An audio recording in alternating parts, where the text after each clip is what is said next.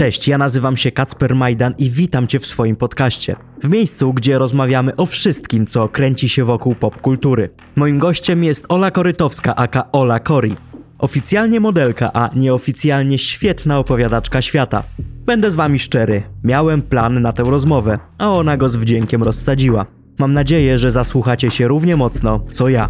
A jest o czym, bo rozmawialiśmy o ciemnych stronach modelingu, mediach społecznościowych, pieniądzach i nie tylko. Zapraszam.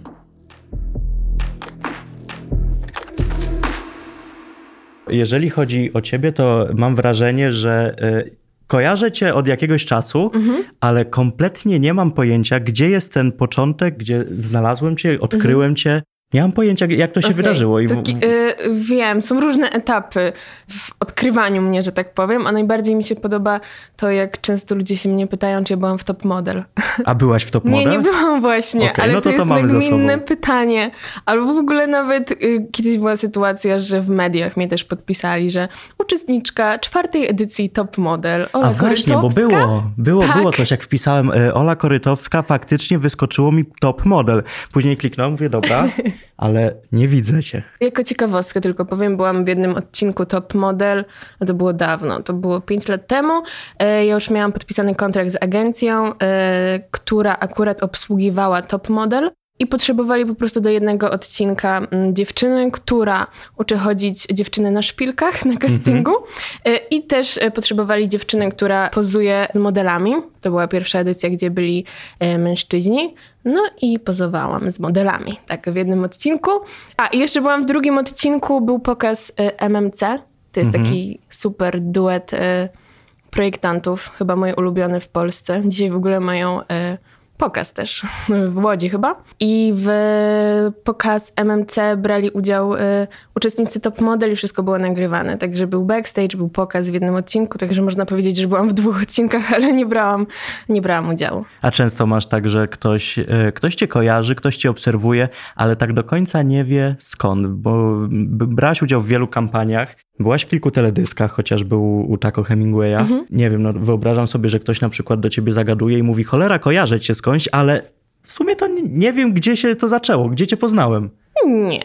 Raczej jak już ktoś ze mną rozmawia, ktoś, zdarzają się jakieś sytuacje, że ktoś mnie rozpoznaje, nie jest to często, e, to raczej są to osoby, które na przykład bardzo często zdarza się, że ktoś y, mi mówi, że y, zaczął mnie obserwować. To był taki chyba etap, jak byłam w Tajlandii na moim kontrakcie i na przykład słyszałam głosy, że oglądałam twoją relację, oglądałem z Tajlandii, dzięki tobie wybrałem się do Tajlandii. Ale ktoś musiał na tę relację w jakiś sposób trafić. No właśnie. To ale jest to ciekawe. chyba, to są, no, no nie wiem, ja nie wiem jak ty trafiasz na Instagramy, ale ja na przykład głównie trafiam, bo ktoś kogoś oznaczy i, i wtedy już tam zostaje dłużej, bo na przykład coś mnie zaciekawi. No i tutaj są właśnie artyści, teledyski, e, eventy na przykład. Jeśli się chodzi na branżowe eventy, na które mam zaproszenie, no to na przykład, wiesz, jak się w jednym miejscu spotyka tak dużo influencerów, modelek i tak dalej, no to są oznaczenia, ludzie sprawdzają, e, więc po tym zaczynają kojarzyć i tak dalej. Tak mi się wydaje. Ja sobie właśnie tak próbuję No i cały też czas... jak się robi kampanie jakieś, Aha. marka powiedzmy ma dużo followersów, marka oznacza modelkę, czy na przykład makijażystka, e, make-up artist, czy fryzjer, to jest takie płynne. Okej, no bo ja właśnie sobie próbuję przypomnieć, kiedy to się wydarzyło, że gdzieś cię zobaczyłem, bo przewidziałem, że możesz się mnie o to zapytać. A jak mnie znalazłeś? Bo dużo osób o to pyta. I cholera, tak pomyślałem, No nie będę wiedział, Nie co ci jestem powiedzieć. oczywistą osobą do podcastu, jeśli mam być szczera i w ogóle mamy y, tendencję na przykład no jest coś takiego, że jest tendencja do dyskredytacji siebie. I miałam takie... Dyskredytacji? Dlaczego? Miałam takie, że czy ja jestem odpowiednią osobą tutaj, o czym ja będę mówić, czy jestem na tyle interesująca, że w ogóle przeprowadzać ze mną podcast. Ale z drugiej strony myślę sobie, że jestem w branży modelingu tyle lat. Jednak trochę obserwujących mam, No właśnie. e, więc, więc warto się odważyć Nie, ale to i porozmawiać. Nie fajnie tak pomyślałaś, tak e, mam wrażenie, bo jak przyglądam się scenie nie tylko modowej, czy ogólnie Mhm. scenie popkulturowej, to naprawdę w mediach jest mnóstwo ludzi, którzy kompletnie nie mają nic do powiedzenia, a patrząc na twój staż w branży, w której się obracasz, no to jednak uznałem, że troszeczkę chociażby z perspektywy tych lat coś do powiedzenia masz na pewno. Bardzo mi miło, że odniosłeś takie wrażenie, bo mi na tym zależy chyba, żeby przez mój Instagram wyczuwać, że jednak za obrazkami stoi też osoba, a nie tylko ładny obrazek. A twoja branża nadal rządzi się stereotypami na temat modelek, modelingu, czy to już jest troszeczkę pieśń przyszłości? To znaczy tak, w branży mojej nie ma takich stereotypów, ponieważ ludzie w branży wiedzą, jak ciężko my pracujemy po prostu. A z zewnątrz? a z zewnątrz pewnie tak, ale z, już się nauczyłam, żeby w ogóle na to nie reagować i tym się nie przejmować. E, osoby z branży wiedzą, na przykład, no nie wiem, jak ja robię e, e-commerce, to jest online shooting, to jest online shop i na przykład mam w ciągu dnia do, do obfotografowania na przykład 100 par spodni. To ja na koniec dnia już mi się tak w głowie kręci, że mówię, dobra, y, dajcie mi 5 minut, ja muszę usiąść, odpocząć chwilę, bo po prostu się przewrócę zaraz. Także jest to po prostu ciężka fizyczna praca. A ktoś, jeśli ma takie stereotypy na temat modelek, no to jest tej osoby problem. Ja już się nauczyłam, żeby nic nie udowadniać i nikomu na siłę i to jest, no, dojrzałość chyba na pewno i odwaga też. Mam wrażenie, e, i to jest dość dziwne, patrząc na to, w jakich czasach żyjemy. Przejrzałem Twojego Instagrama bardzo dokładnie pod kątem komentarzy i cholera nie widziałam ani jednego hejtu. Ty je usuwasz, czy po prostu ludzie cię nie hejtują? Nie, y, rzeczywiście nie mam hejtów. Ale skąd się to Ale bierze? to mi się wydaje, że. No bo ja nie jestem taką chyba kontrowersyjną postacią. Nie... nie- jestem aż tak rozpoznawalną. Nie pokazuję się chyba aż tak, żeby mnie ktoś tam hejtował. No Zdarzają się takie e, komentarze, że ale napompowane usta, coś tam. Ale jeśli są te komentarze jakieś hejterskie, to mi się wydaje, że chyba na portalach, e, jak mnie oznaczą, Dzisiaj nie trzeba kompletnie być osobą kontrowersyjną, żeby wzbudzać jakikolwiek hejt. Trzeba Ale się jakkolwiek że- się wyróżniać, odstawać od tłumu i to wystarczy. Ale wiesz co, mi się wydaje, że modelki nie dostają hejtu tak bezpośredniego. Można sobie e, na ich temat mieć jakieś e, takie stereotypowe myśli i tak dalej, ale nikt im tak... Mam wrażenie, że moje koleżanki też tego nie dostają. Była u mnie jakiś czas temu taka dziewczyna, która nazywa się Ewelina Rosińska, w internecie znana jako Ewelina Ros. E, Osoba, u której też kompletnie nie widziałam żadnego hejtu w mediach społecznościowych czy ogólnie w internecie i zacząłem z nią rozmawiać. Nagle się okazuje, że w internecie zaczęły powstawać na przykład teorie, że przez to, że ma ładnego Instagrama i ma ładne życie, no to na pewno ma sugar daddy'ego. Także dlatego zadaję w ogóle to pytanie. Nie no, te komentarze, nawet o tym sugar daddy, że tak powiem... Ja Miałaś byłam- taki w ogóle kiedyś? Ale to są właśnie na portalach plotkarskich, to są anonimy. Nigdy mi się nie zdarzyło, żeby ktoś mi napisał, to powiedział bezpośrednio, więc się cieszę. Ja mi się wydaje, że, no nie wiem, podziwiam osoby, które e, są na takim dużym świeczniku, e, bo ja bym chyba tego nie udźwignęła psychicznie, tego hejtu. tak. Zdajesz sobie sprawę z jakichś swoich wad? One cię męczą? W ogóle uważasz, że masz jakieś, czy nie? Tak, o Jezu. Ja na przykład nie mam kompleksów, jeśli chodzi o wygląd. To znaczy tak, modeling robi wszystko i agencje, i, i, i branża, w której jestem, robi wszystko, żeby te kompleksy były. Mam najpiękniejsze przyjaciółki, najmądrzejsze, twarde, mądre, silne, naprawdę. I nie są pewne siebie, bo idę, idę na casting. e, Na castingu spotykam w kolejce 100 przepięknych dziewczyn. Wiesz, tylko jedna wygrywa ten casting. To jest ogromny łód szczęścia. I tutaj jest potrzebna ogromna wiara w siebie. Trzeba być naprawdę twardym. A agencje i klienci naprawdę bezpośrednio powiedzą ci, że twoje ciało nie jest okej, twoja cera nie jest okej, twoje włosy są tragiczne. e, To dlaczego cię pasujesz- wybrali w takim razie? Żeby ci to powiedzieć? Czy no jednak jeżeli cię wybrali do jakiejś sesji, to znaczy, że jako, może nie chcę powiedzieć produkt, Ale bo nie, to jesteś ja człowiek... teraz mówię e, o tych sesjach, których nie dostaję, bo ja okej. dostaję, ja wygrywam jeden casting na 100 i Mhm. po prostu mi się wydaje, że to jest sztuka w tym, bo tak, kiedyś Marta Dyks powiedziała taką fajną rzecz, że może praca modelki na planie nie jest ciężka, ale dostać się na ten plan to jest ogromna, ciężka praca. Ogromnie ciężka praca, bo to jest, są miliony castingów, ogromne szczęście, mm, droga tam do tej pracy, żeby cię wybrali, żebyś przekonała do siebie osoby.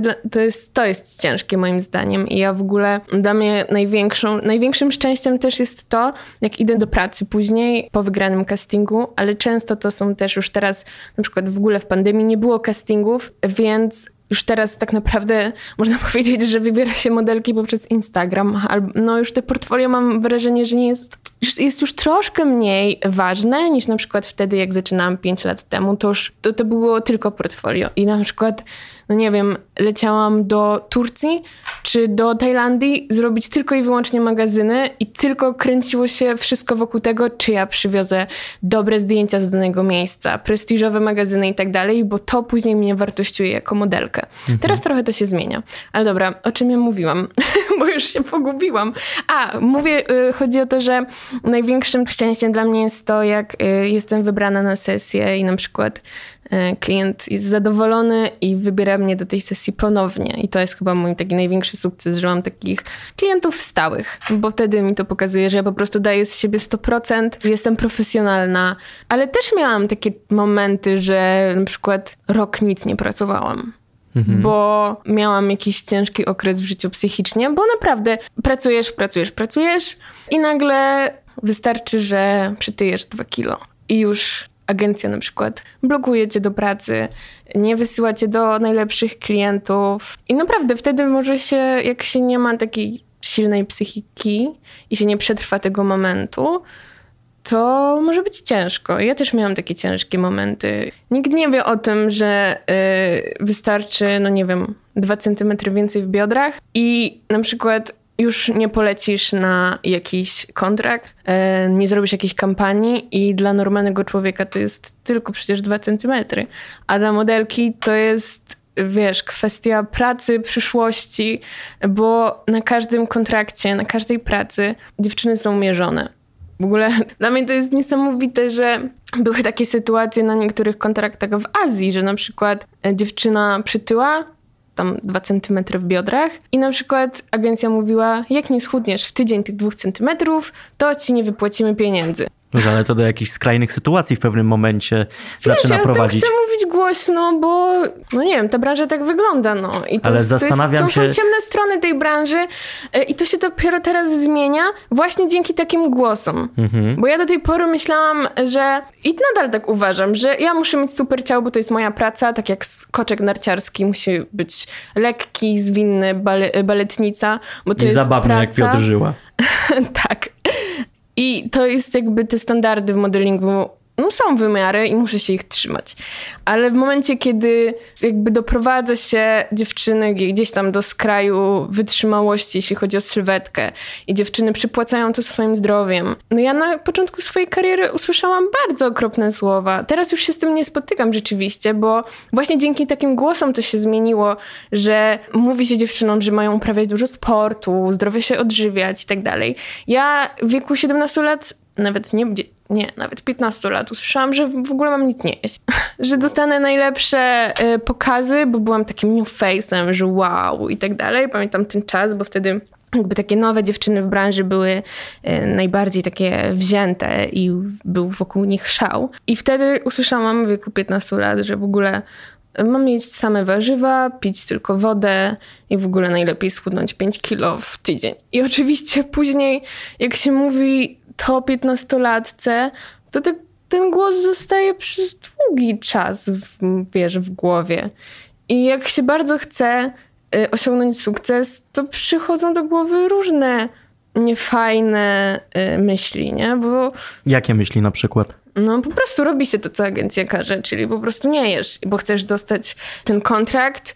Mhm. Chodzi o to, że wiele dziewczyn poznałam, które doprowadzały się gdzieś tam do skraju wytrzymałości.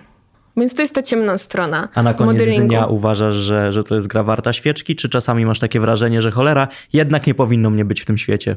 No to właśnie tak, miałam takie, taki czas, że mm, nie pracowałam przez rok. To był taki dla mnie. Y, w ogóle u mnie jest takie up and down, up and down. Mm -hmm. Super, idzie mi zajebiście i pracuję super i, i kampanię za kampanią. W 2018 roku sobie poszłam do galerii, byłam tutaj na billboardzie, tutaj.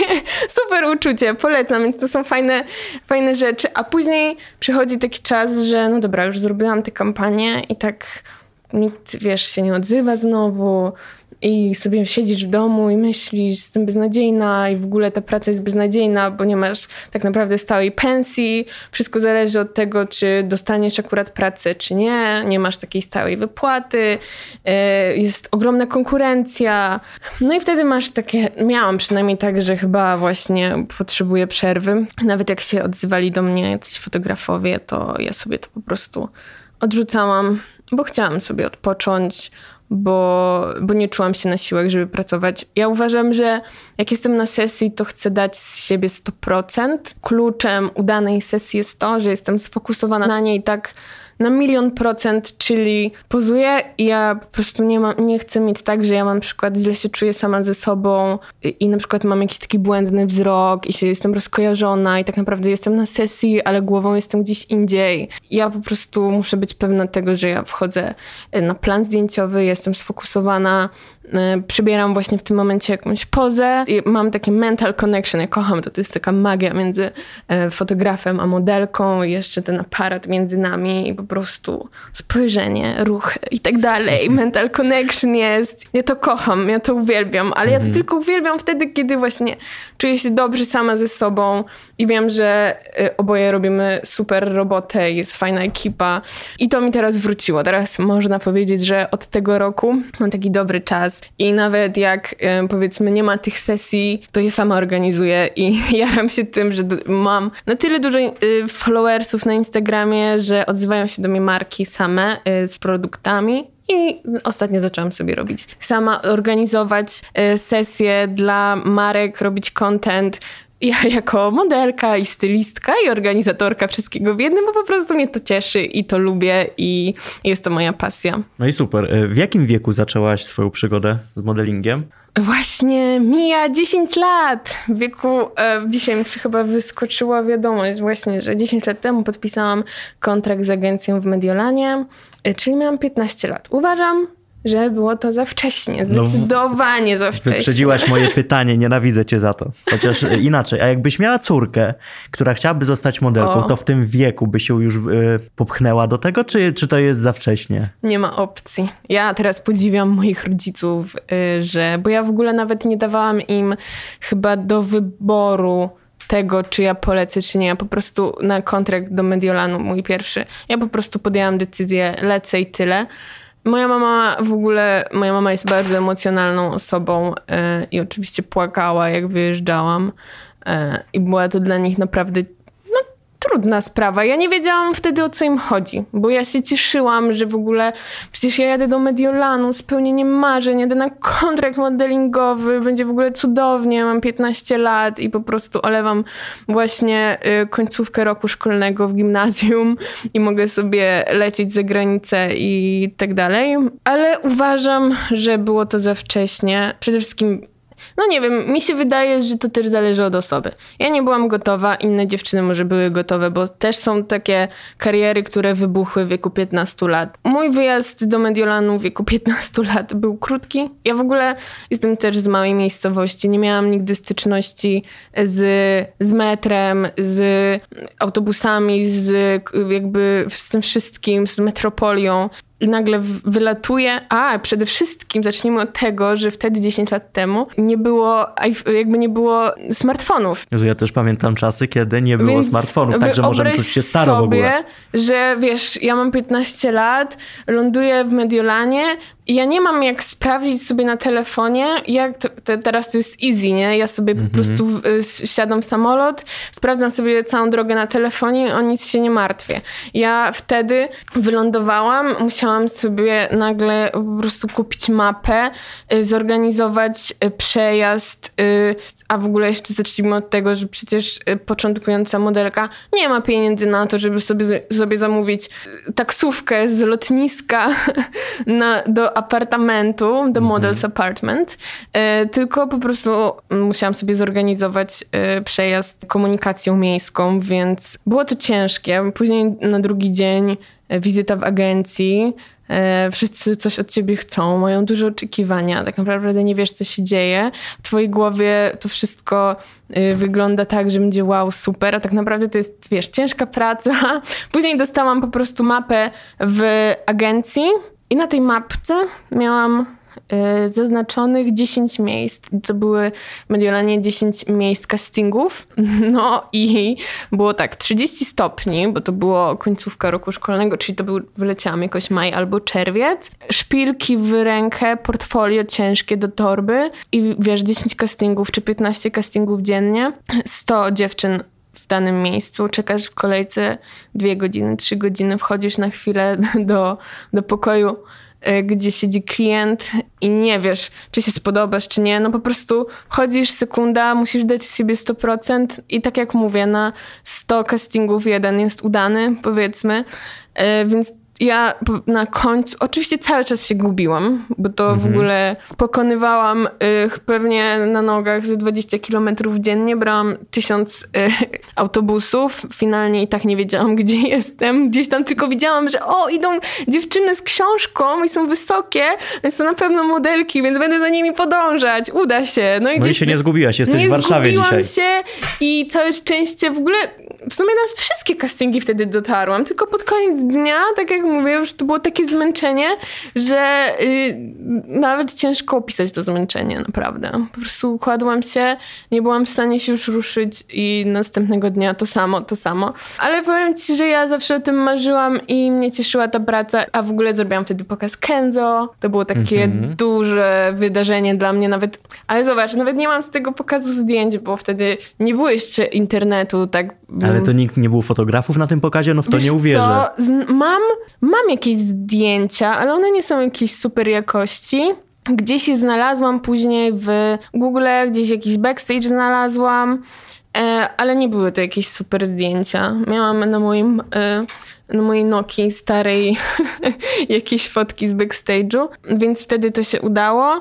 Ale nie byłam wtedy y, długo w Mediolanie, nie było sensu, żebym siedziała dłużej. Byłam chyba tylko dwa czy trzy tygodnie. To wszystko, wiesz, cała ta praca moja, jakby to zmęczenie wystarczyło, że ono mi mijało. Jak na przykład właśnie na pokazie zobaczyłam y, Anny Della Russo, czyli ja w ogóle zacznijmy od tego, to co chciałabym powiedzieć. Y, ja... Cześć, jestem Ola, jestem modelką, bo już tak rozmawiamy, a może nie, ktoś nie wie tak, jestem modelką, jak słyszeliście, od 10 lat.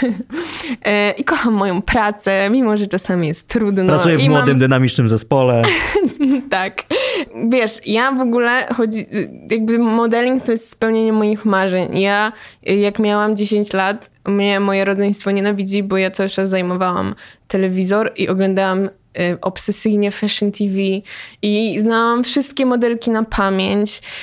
Y, do tej pory pamiętam, jak miałam te 12 lat i jest taki y, portal o, model, o modelkach models.com, mhm. models.com i tam jest ranking 100, chyba 50 najlepszych modelek, najbogatszych, najlepszych new face'ów i tak dalej. Ja znałam to wszystko na pamięć. Naprawdę zbierałam, pamiętam jak znalazłam, jak byłam na nartach z rodzicami na Słowacji, znalazłam taką gazetę dużą z Fashion TV właśnie, takie wydawnictwo. Y, i ja później powyklejałam tą gazetę, cały sobie pokój tymi modelkami. I w ogóle znałam wszystkich możliwych projektantów, y, znałam wszystkie pokazy mody w tamtym czasie. I jak ja zobaczyłam te osoby, na, yy, na żywo, nagle, mm -hmm. no to był płacz. Taki, nie że płacz, ale taka łezka w oku się zakręciła, jak zobaczyłam Annę Della Russo, czyli to jest naczelna woga japońskiego. Tak. Widziałam ją właśnie po pokazie, później ją widziałam na spacerze z psem. Yy, no i widziałam właśnie na pokazie Kenzo te modelki, które które podziwiałam, więc to było dla mnie niesamowite. Ale super, że potrafiłaś się w ogóle cieszyć tą chwilą. Ja jak zacząłem poznawać ludzi, którzy mnie inspirują i dzięki którym robię to, co robię, e, no to nie miałem czasu, ostatnio sobie zdałem sprawę z tego, się tym nacieszyć, że nagle poznaję mhm. tą, tą, tą osobę mhm. E, i to jest tak niesamowite, a w ogóle jakby to do mnie nie dociera po prostu, jak żyję w takim zapętleniu, także powinna się z tego Wiesz co, cieszyć. Mi się że... wydaje, pytałeś mnie o wady, no. które oczywiście mam i tutaj tak zrobię takie koło, że moją chyba taką największą zaletą, którą lubię w sobie, jest to, że ja naprawdę wszystko bardzo doceniam. Doceniam, ja się cieszę z najmniejszych rzeczy.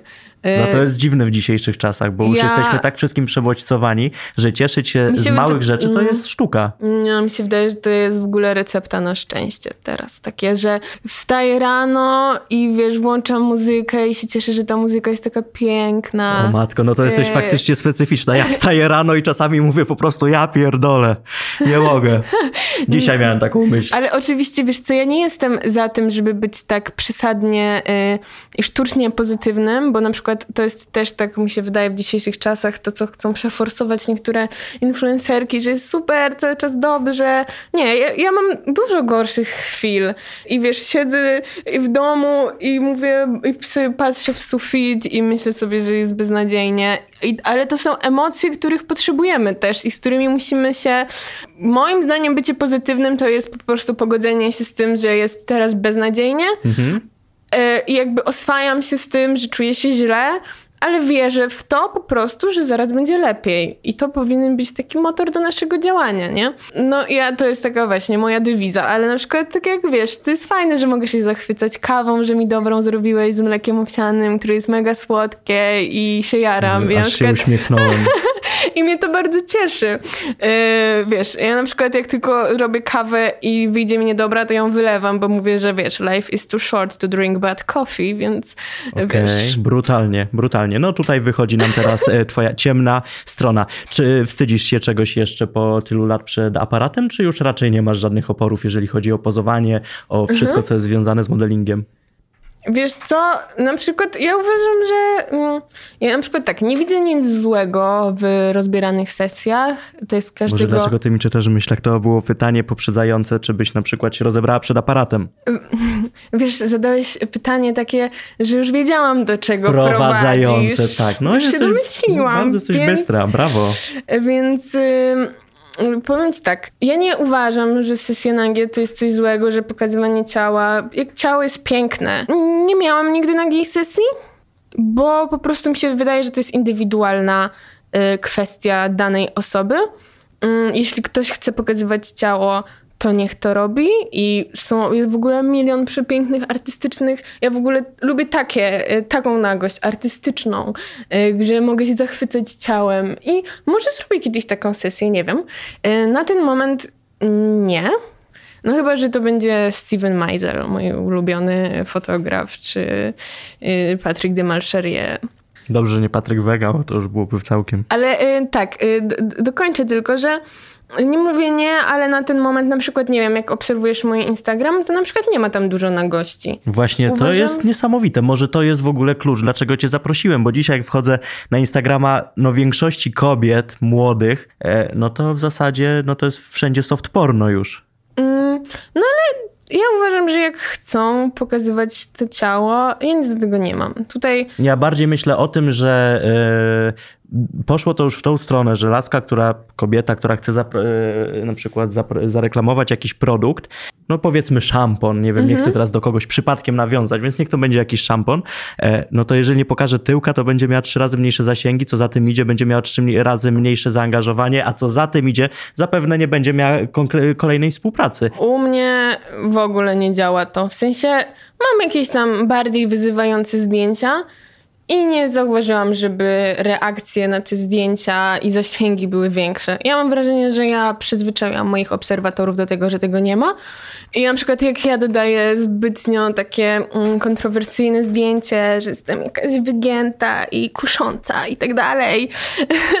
I ja nie czuję się z tym do końca, że to jestem ja. Wczoraj też dodałam takie zdjęcie. Y, je zaraz na Instastory, je zaraz usunęłam, bo po prostu nie czułam, że to jestem ja i mi się wydaje, że to jest klucz, jeśli chodzi o autentyczność y, w, w social mediach, żeby po prostu nie kreować siebie i za to ci ludzie pokochają, jak jesteś sobą. Y, Po prostu dodajesz wszystko naturalnie i mi się wydaje, że jak ja bym dodawała na przykład nagle samą bieliznę, to moi followersi byłoby tak o lat, nie, to nie ty, don't do it. Że jesteś po prostu... Serio myślisz, żeby tak pomyśleli? Ja myślę, że w końcu byłoby odwrotnie, żeby bardzo szybko przywykli albo w miejsce starych followersów przyszliby nowi.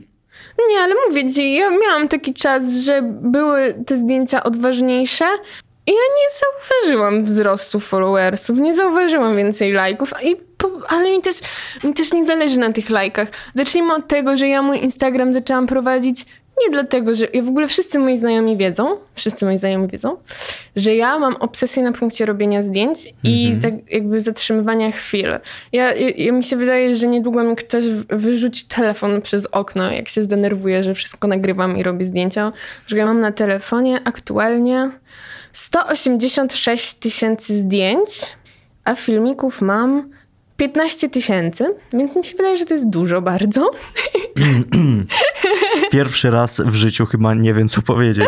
Ja nie wiem, czy przez całe życie zrobiłem tyle zdjęć. No właśnie i chodzi o to, że to ja na przykład też jestem osobą, która sobie nie robi w ogóle selfie. Ja muszę sobie zrobić selfie, muszę. Ale to ty w IPN-ie powinnaś pracować, jeżeli ty tak wszystko dokumentujesz. Ja robię selfie sobie, jak mam piękny makijaż zrobiony na sesji i to wtedy jest opcja, że ktoś mnie zmusi do zrobienia selfie. W ogóle ja, wiesz, nie stoję w lustrze, nie wyginam się i tak dalej. Nie, nie lubię się skupiać na sobie zbytnio. E, A to dziwne, ale... jesteś modelką, więc no w sumie skupiasz się na sobie. Nie, ja mam tak, że na przykład, wiesz, nie chodzi o, ja nikogo nie oceniam i tak dalej, chodzi tylko o mnie, że na przykład ja mam taki limit, że raz w tygodniu sobie postawię zdjęć, y, postawię sobie telefon gdzieś, gdzie jest ładne światło, coś tam popozuję i mam sobie, i nagle, sobie myślę, boże, jakie to jest głupie, co ja robię, już mi się nie chce. No dobra, ale dodam to zdjęcie, yy, żeby się działo, wiesz, żeby cały, cały czas był ruch na tym Instagramie, ale nie uważam, że jestem osobą, która na przykład przesadnie dba o wygląd, czy przesadnie dba o swój wizerunek. Ja jestem po prostu estetką. Ja lubię, jak te zdjęcia są ładne, ciekawe. Mi się wydaje, że właśnie ciekawe to jest słowo klucz, żeby nie było tak, że one są wszystko, wszystkie takie na jedne kopyto, że po prostu sobie staję, stoję sobie z szamponem właśnie i reklamuję ten szampon, tylko żeby one zaskakiwały nadal jednak.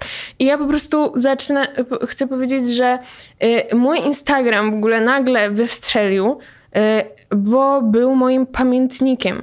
Ja nie fokusowałam się na lajkach, nie fokusowałam się na tym, żeby y, zarabiać na tym Instagramie, bo wtedy przede, przede wszystkim jak zaczynałam, y, to, y, to nie było czegoś takiego jak influencer marketing i nawet by mi do głowy nie przyszło, że ja będę na tym kiedykolwiek zarabiać jakiekolwiek pieniądze.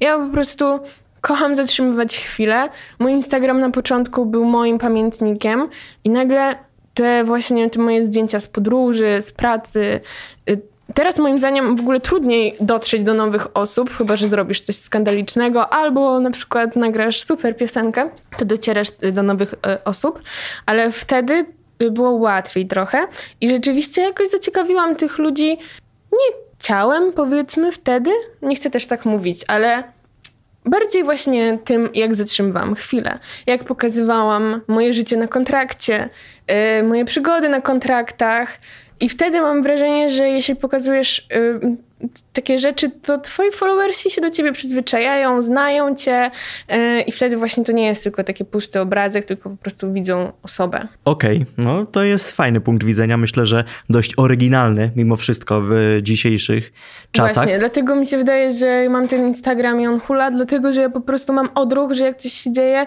to ja wiem, że ja wrócę do tego. To nie jest tak, że na przykład jak na koncertach się nagrywa, że e, nagrywasz koncert, ja tego trochę nie rozumiem, bo nie nagrywam koncertów, że nagrywasz koncert i ludzie zamiast właśnie się cieszyć tą chwilą, w której są, to nagrywają koncert, później nie wracają do tych filmików.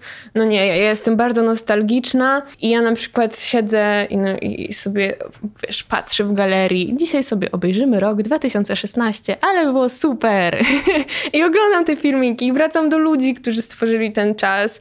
Tak, Okay. Jestem sentymentalna. Powiedz mi, bo rozmawialiśmy trochę i o ciele, i o tym, jak wygląda dzisiejszy Instagram i tak dalej.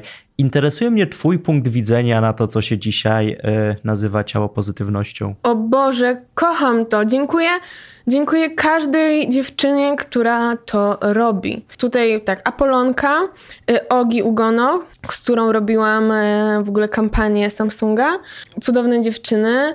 Dzie dziękuję im za to, ponieważ ja dzięki temu, mm, no nie wiem, będę mieć szansę na to, żeby, więc, żeby więcej pracować w branży modowej, przy tym nie tracić na zdrowiu, czyli nie mieć takich restrykcyjnych y, diet, ponieważ y, dzięki nim, dzięki tym osobom, branża modowa się zmienia.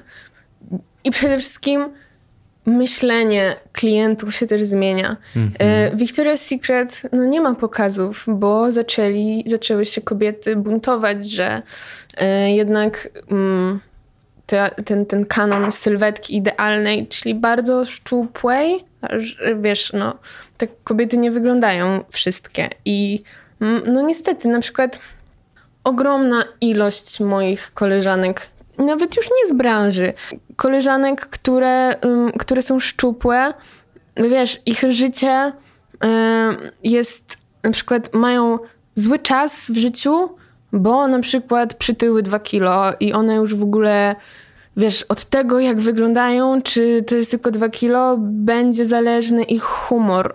I to jest straszne, bo ja też na tym y, zmarnowałam bardzo dużo życia, że przesadnie byłam, tylko, wiesz, to była u mnie praca, ale wiesz, przesadnie byłam zafiksowana na punkcie ciała, y, żeby było idealne. Wiesz, codziennie na siłowni też widziałam, teraz mogę z perspektywy swojej powiedzieć, że jak się je za mało i się za dużo ćwiczy, to, to ciało nie wygląda wcale dobrze i nasze ciało kocha odpoczynek, kocha spokój, y, kocha to, jak o nie dbasz, jak wybierasz zamiast czasami przesadnie silnego treningu, mm, wybierasz y, spokojną jogę y, i po prostu jesz zdrowo i dbasz o to ciało, a, a, wiesz, a nie przesadnie wykańczasz się do granic możliwości, jesteś nieszczęśliwa, bo przede wszystkim twoje ciało jest nieszczęśliwe, bo twój mózg jest nieszczęśliwy i twoja psychika, bo niestety no, kobiety teraz są nie dość, że wiesz, wymaga się od nich idealnego wyglądu, to te bombardujące zdjęcia,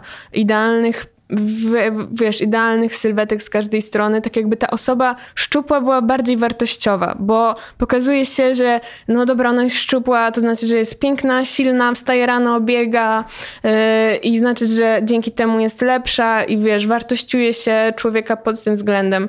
Nie, dlatego ja uważam, że każdy człowiek jest piękny. Piękno jest po prostu w nas, w, nas, w sercu yy, i w naszych charakterach i nie chciałabym, żeby jakakolwiek, kiedykolwiek jaka kobieta, jakaś kobieta czuła się źle przez to, że na przykład nosi rozmiar większy ubrania. Mhm. I mi się wydaje też, że dzięki temu klienci też patrzą już na dziewczyny trochę inaczej pod względem charakteru, charyzmy i tak dalej. Y Wiesz co, ja e, teraz zadałem to pytanie trochę celowo, bo spodziewałem się, że będzie taka twoja odpowiedź e, i owszem, zgadzam się, masz całkowitą rację. Według niektórych badań nawet 10 na 10 młodych, 9 na 10 młodych kobiet nie jest zadowolona z tego, jak wygląda. Oczywiście, Aczkolwiek tak.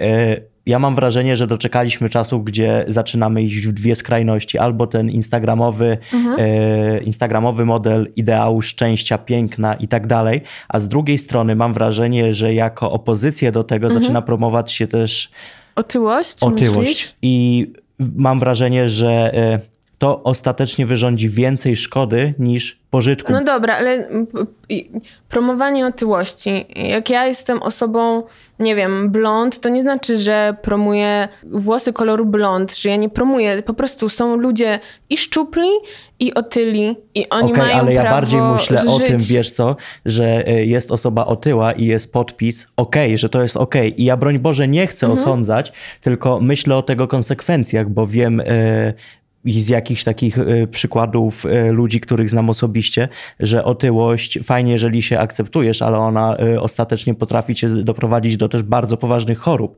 Tak samo jak dbanie skrajnie o to, żeby być fit, doprowadzi mhm. cię na przykład do anoreksji, co, tak ja dbanie o, mhm. nie, nie zwracanie uwagi na to, że zaczyna się już przesadzać z własną uwagą, doprowadzić cię do nadciśnienia, do cukrzycy, mhm. osłabienia twoich stawów, czy przyspieszenia zawału serca. I uważam, że o tym też trzeba informować, tak samo jak się informuje o tym, co jest kompletnie z drugiej strony tego mhm. problemu.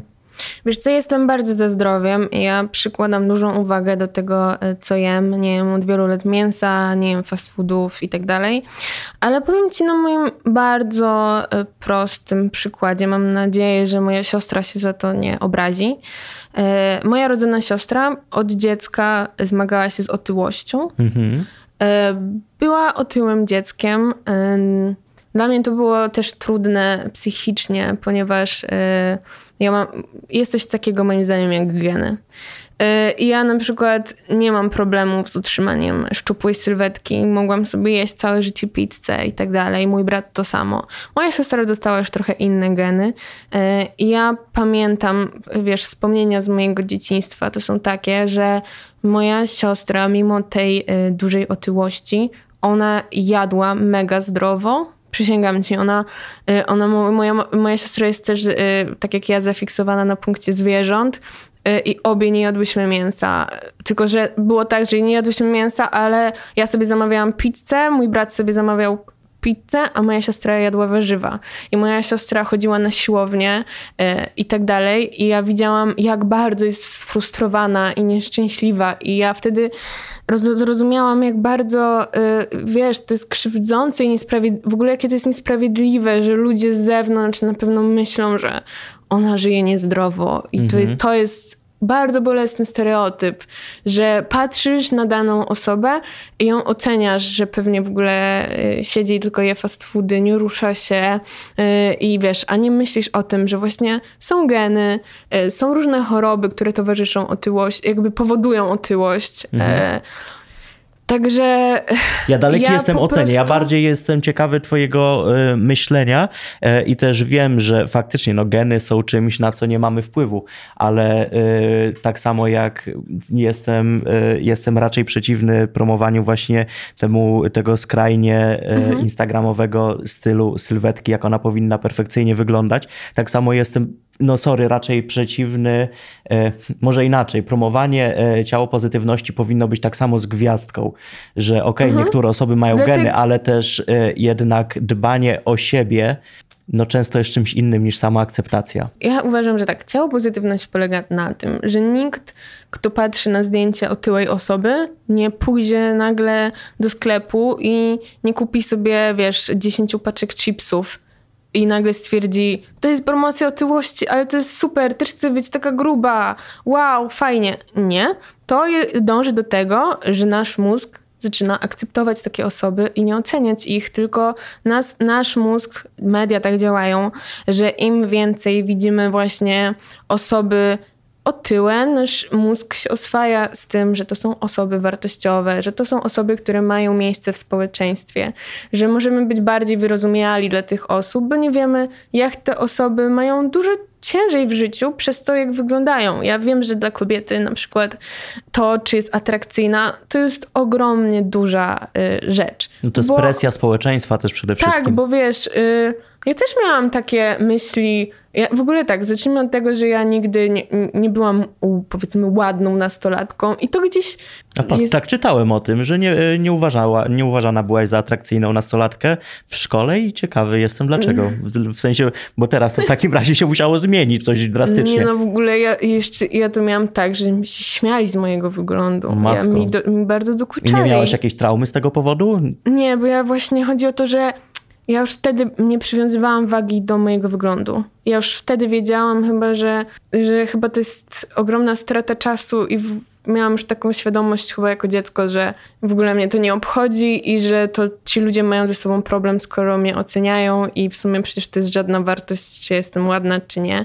Yy, I nie byłam nigdy tą dziewczyną, za którą się oglądali faceci, nie, chłopaki w, w klasie. Chłopcy już raczej.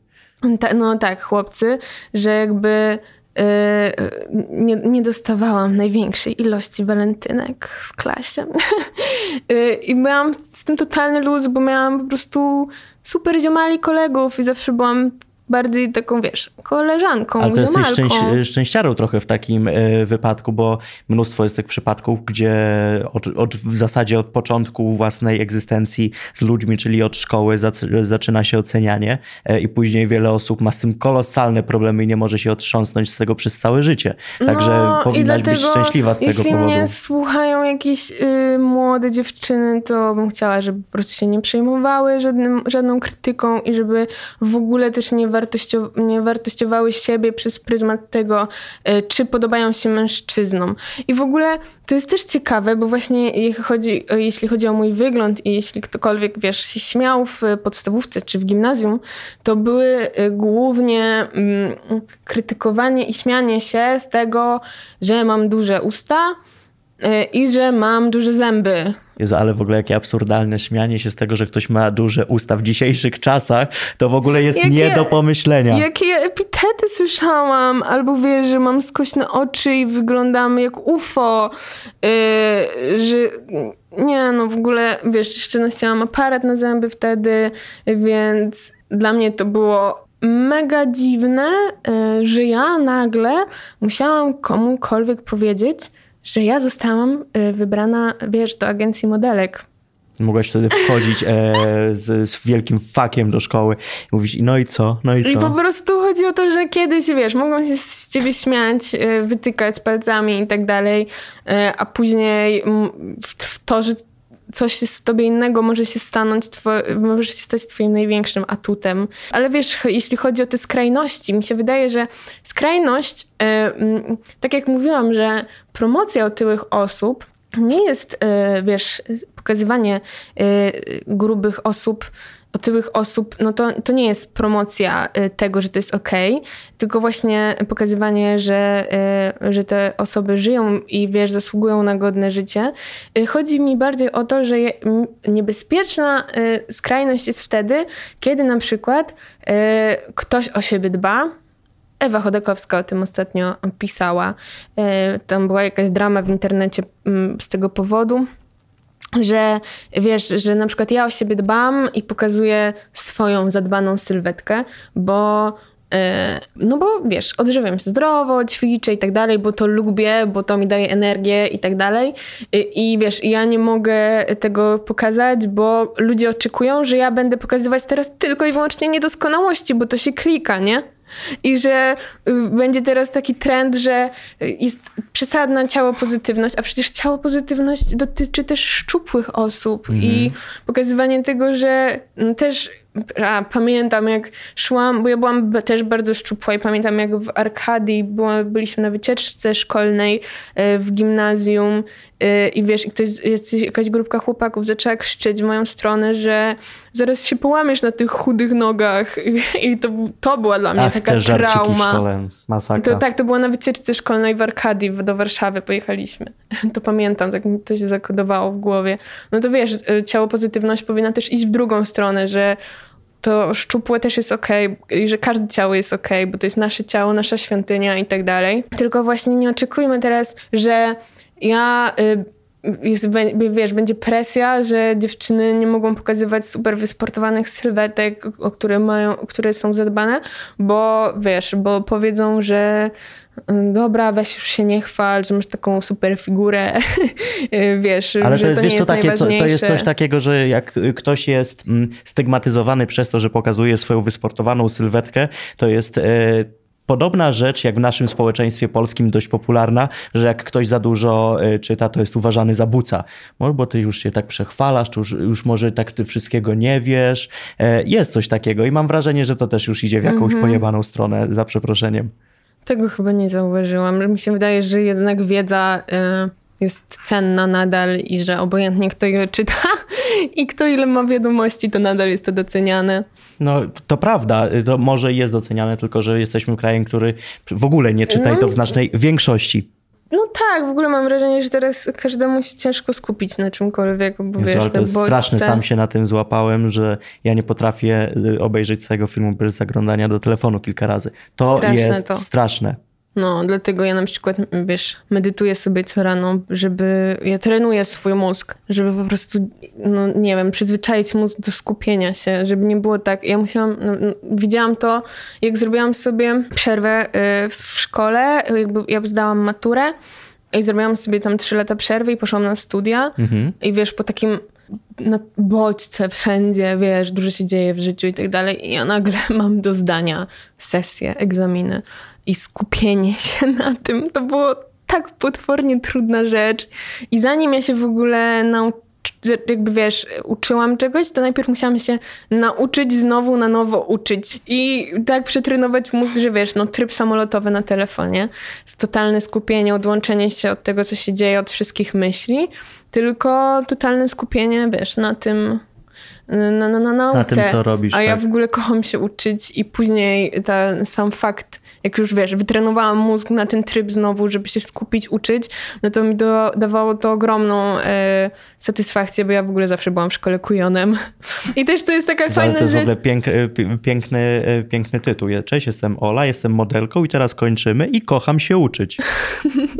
No akurat, no ja lubię mózg. To jest coś, na co Ale to, w ogóle... to jest super, to jest rzadko spotykane, to jest wręcz ekskluzywne. Mi się wydaje, że im dłużej byłam w modelingu i to te piękno zewnętrzne było tak, widziałam je naokoło i tak było łatwo dostępne, to właśnie coraz bardziej doceniam po prostu piękny mózg, piękne serce. To jest najważniejsze naprawdę. Dlatego ja w ogóle nie obserwuję takich wyidealizowanych Instagramów i tak dalej, że wszystko jest takie piękne, tylko show me something different, zaciekaw mnie i no, tym się kieruję. Jaki masz plan A, bo fu, jeszcze raz, jaki masz plan B, bo plan A już twój znam. Kochany. Jezu, C, D, E. Starczy E, alfabetu? Nie, w ogóle ja e, tak, mam, jestem po studiach. Jakich? Dziennikarstwo oraz PR. Jezu, sam jestem na dziennikarstwie. Co? Nie, chociaż nie, dobra. Jeszcze jestem w trakcie sesji. Jakbym powiedział to, co myślę o tych studiach, to na pewno by mnie dalej nie puścili.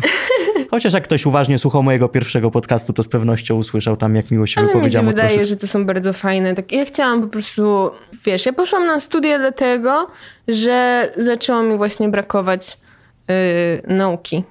Miałam takie poczucie, że okej, dobra, robię tą sesję, wracam i nie mam co ze sobą zrobić po pracy, więc siadałam do, do, do nauki i to mi dawało fajną satysfakcję, że coś robię, czymś się zajmuję. Ale wiesz, ja w ogóle mam, tak jak mówiłam ci, u mnie w, w karierze modelki były cały czas up and down, up and down i ja nie mam za sobą w moim w modelingu tylko i wyłącznie y, pracy modelki, y, jakby wiesz, doświadczenia pracy modelki, tylko pracowałam na przykład y, w, La Mode Info, to jest taki fajny portal o modzie.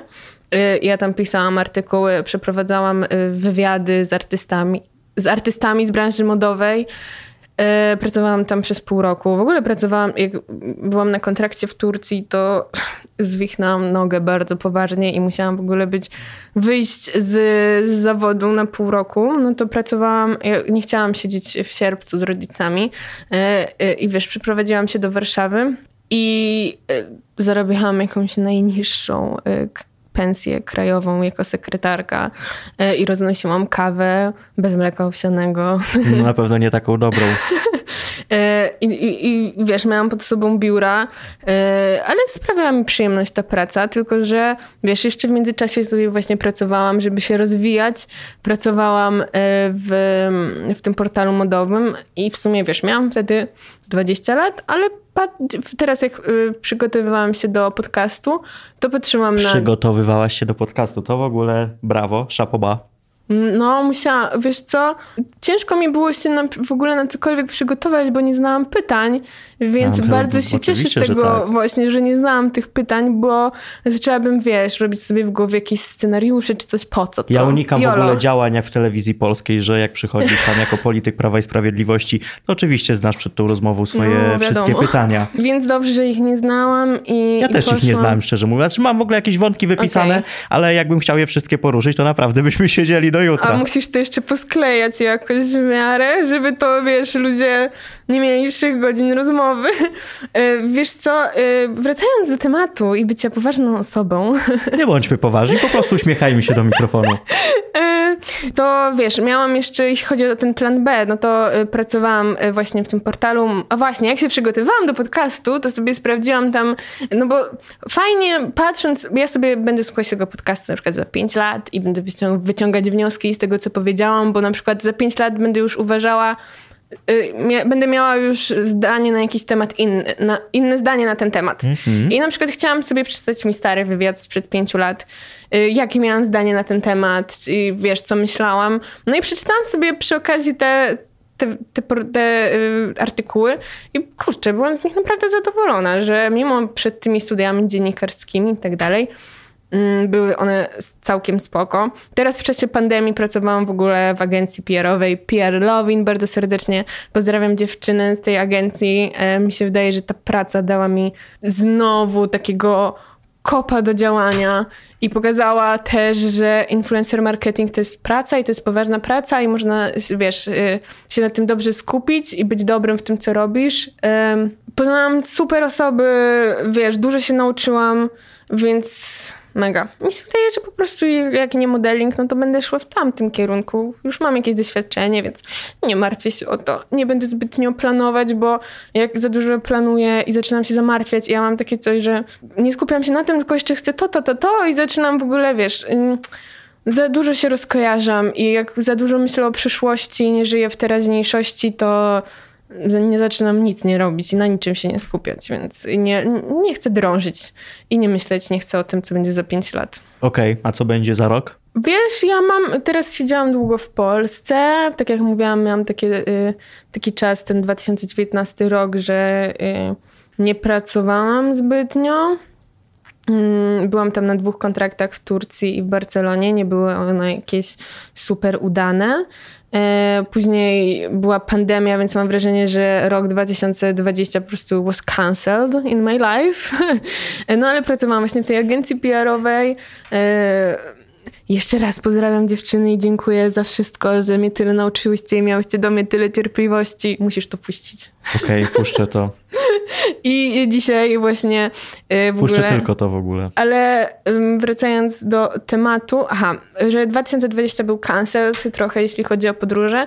No i ja mi się wydaje, że teraz w ogóle mam bardzo dużo fajnych projektów y, na czas wakacji związanych z festiwalami muzycznymi, bo dla mnie chyba jak nie moda, mi się wydaje, że nawet muzyka mnie kręci.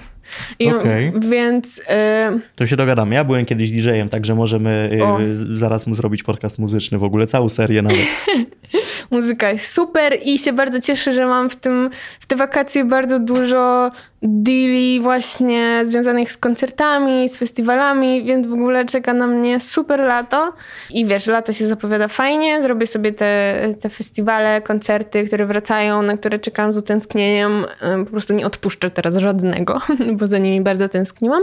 No i mi się wydaje, że e, wrzesień, październik że chciałabym polecieć na kontrakt jakiś. Teraz się do tego przygotowuję, bo też muszę, wiesz, trochę sobie e, zrobić e, stabilizację finansową, wszystko sobie tutaj pozamykać, pewne kwestie. No i marzy mi się, wiesz, przeprowadzka do Londynu. Bo co na te, stałe? Na, nie, nie na stałe. Nie wytrzymałabym tam na stałe, bo ja już tam mieszkałam rok. Uważam, że Londyn jest w moim sercu głęboko i kocham to miejsce, kocham tych ludzi, mam tam cudownych znajomych, przeżyłam tam cudowny czas w moim życiu, ale po prostu yy, super tam pracowałam w ogóle. Mm, dlatego chciałabym tam wrócić, bo to jest takie miejsce, że możesz robić i rzeczy jakieś high fashion, i rzeczy yy, komercyjne, więc chcę tam wrócić, zobaczymy, co życie pokaże. Ale też nie nastawiam się. Nie wiem, właśnie nie wiem na co się nastawiać, bo ten modeling jest taki, że raz jestem tu, raz tu, nie wiadomo gdzie będę pracować, to jest taka ruletka, czy będzie ok, czy nie ok. Ile zarabia modelka? No, wiesz co, nie powiem ci, bo to zależy od modelki. Bo to może być tak, że nie zarabia nic, mhm. a może być tak, że zarabia w milionach, więc... Okej, okay, ale więc... z twojej perspektywy da radę wyżyć tylko i wyłącznie z modelingu, czy nie? Na początku w ogóle y, ja dokładałam do interesu, mm -hmm. bo jak wyjeżdżasz, wyjeżdżałam jako modelka na kontrakty, no to mm, dostaje się jakieś tam pieniądze od, y, na, na utrzymanie siebie od agencji, ale nie są to duże pieniądze. Ja nie potrafiłam się tylko za te pieniądze utrzymać. To nie jest tak, że oni ci dają te pieniądze, to jest tak, że po prostu jest coś takiego jak statement, czyli jakby dług agencyjny, że e, agencja inwestuje w ciebie pieniądze e, i później ty pracując oddajesz najpierw ten dług, a dopiero później idzie, oni jeszcze ci odciągają tam 20% i dopiero wszystko idzie do twojej kieszeni. Czyli najpierw trzeba, wiesz, spłacić bilety lotnicze, spłacić mieszkanie, spłacić kieszonkowe. No i czasami jest tak, że dziewczyna też nic nie zarobi wtedy agencja ponosi ryzyko, że ściąga tą dziewczynę na, na kontrakt, wiesz, nie zarabia nic, a czasami jest złoty strzał, dostaje kampanię Chanel i zarabia od razu 100 tysięcy dolarów, nie? Więc to nigdy nie wiadomo. I ja miałam, mam ogromne szczęście, że rodzice mi pomagali i w ogóle no, wierzyli we mnie i mnie bardzo wspierali. Ja uważam, że tu, gdzie jestem, to jest właśnie, wiesz, dzięki moim rodzicom i ich wsparciu psychicznym też przede wszystkim, żeby, że na przykład ja dzwoniłam, e, to jest też śmieszna historia, jak dzwoniłam do, w Mediolanie z płaczem do mamy. Mamo, ja już nie daję rady na tych castingach, ja już chcę do domu, to jest za trudno. I tam płacz w łazience. A mama, Boże, dziecko wraca i co oni mojemu dziecku robią? Y, tutaj się o ciebie zadbam. Ja mówię, ja tak, nie, miałaś powiedzieć, że mam, że dam radę. Nie chcę z tobą tak rozmawiać. Co ty w ogóle? Wychowywałaś mamę, pięknie. Że ja mówię, co ty w ogóle? Masz mi teraz dodać do tuchy, a nie jeszcze płakać ze mną. I dzwoniłam do taty. A tata, dasz radę. Y, będzie dobrze, y, rozwal tam wszystko, jesteś najlepsza, dasz radę, więc ja wtedy wchodziłam like a boss na casting, że mam to w ogóle, już sobie wyobrażałam i to też, y, że no chyba energia jest najważniejsza jednak, że można mieć tą twarz ładną i tak dalej, ale to jak się zaprezentujesz, to jest jednak klucz. To tak jak na rozmowie kwalifikacyjnej chyba, tylko że po prostu masz tych rozmów kwalifikacyjnych 15 dziennie na kontrakcie. I tylko powiem, że jeśli chodzi o te zarobki, no, no. to Wiesz, na przykład tam po paru latach, jak zaczęło się to fajnie zwracać, no to kupiłam rodzicom na ich 25, 25. rocznicę ślubu wycieczkę do Tel Awiwu na tydzień. I wiesz, mogłam się odwdzięczyć. No i teraz tylko i wyłącznie się z tego utrzymuję i jestem zadowolona. Jak ja bym chciał się swojej mamie za pomoc odwdzięczyć, to pewnie by Prowident się nie wypłacił. Jesteś w stanie w jednym zdaniu e, tytułem końca powiedzieć, czego sobie życzysz na najbliższy czas? Entuzjazmu odwagi. W ogóle to jest ciekawe, że y, no widzisz, znowu. Dobrze, wypowiedz się. Ostatnio organizowałam konkurs z taką marką obuwniczą i jakby mm, tam zaproponowali mi pytanie konkursowe, jak oceniasz, jakbyś y, ocenił swój styl, coś takiego. Ja mówię, nie, dajmy ciekawsze pytanie, bo mnie to w ogóle interesuje, jakie będą odpowiedzi. I ja mówię, dajmy pytanie, Czym jest dla Was odwaga? Jak, co to jest odwaga? No i tam były naprawdę bardzo ciekawe pytania, że wiesz, że odwaga to przede wszystkim to, żeby się nie przejmować opiniami innych, żeby być sobą, żeby być wiernym sobie, yy, swoim, swoim jakby postanowieniom, wizjom. Żeby, ja sobie życzę, żeby być odważną. Po prostu, żeby ryzykować, żeby nie, nie bać się być sobą, żebym podejmowała ryzykowne decyzje, y, latała na kontrakty, nie przejmowała się właśnie, y, wiesz, przesadnie tym, co będzie, tylko się skupiała na tym, co jest. I tego ja również Ci życzę. Dziękuję. Dziękuję bardzo, było super, tak się bałam. Dziękuję, że słuchasz mojego podcastu. Zasubskrybuj i oceń mnie na Apple Podcast. Do usłyszenia już wkrótce. Kacper Majdan.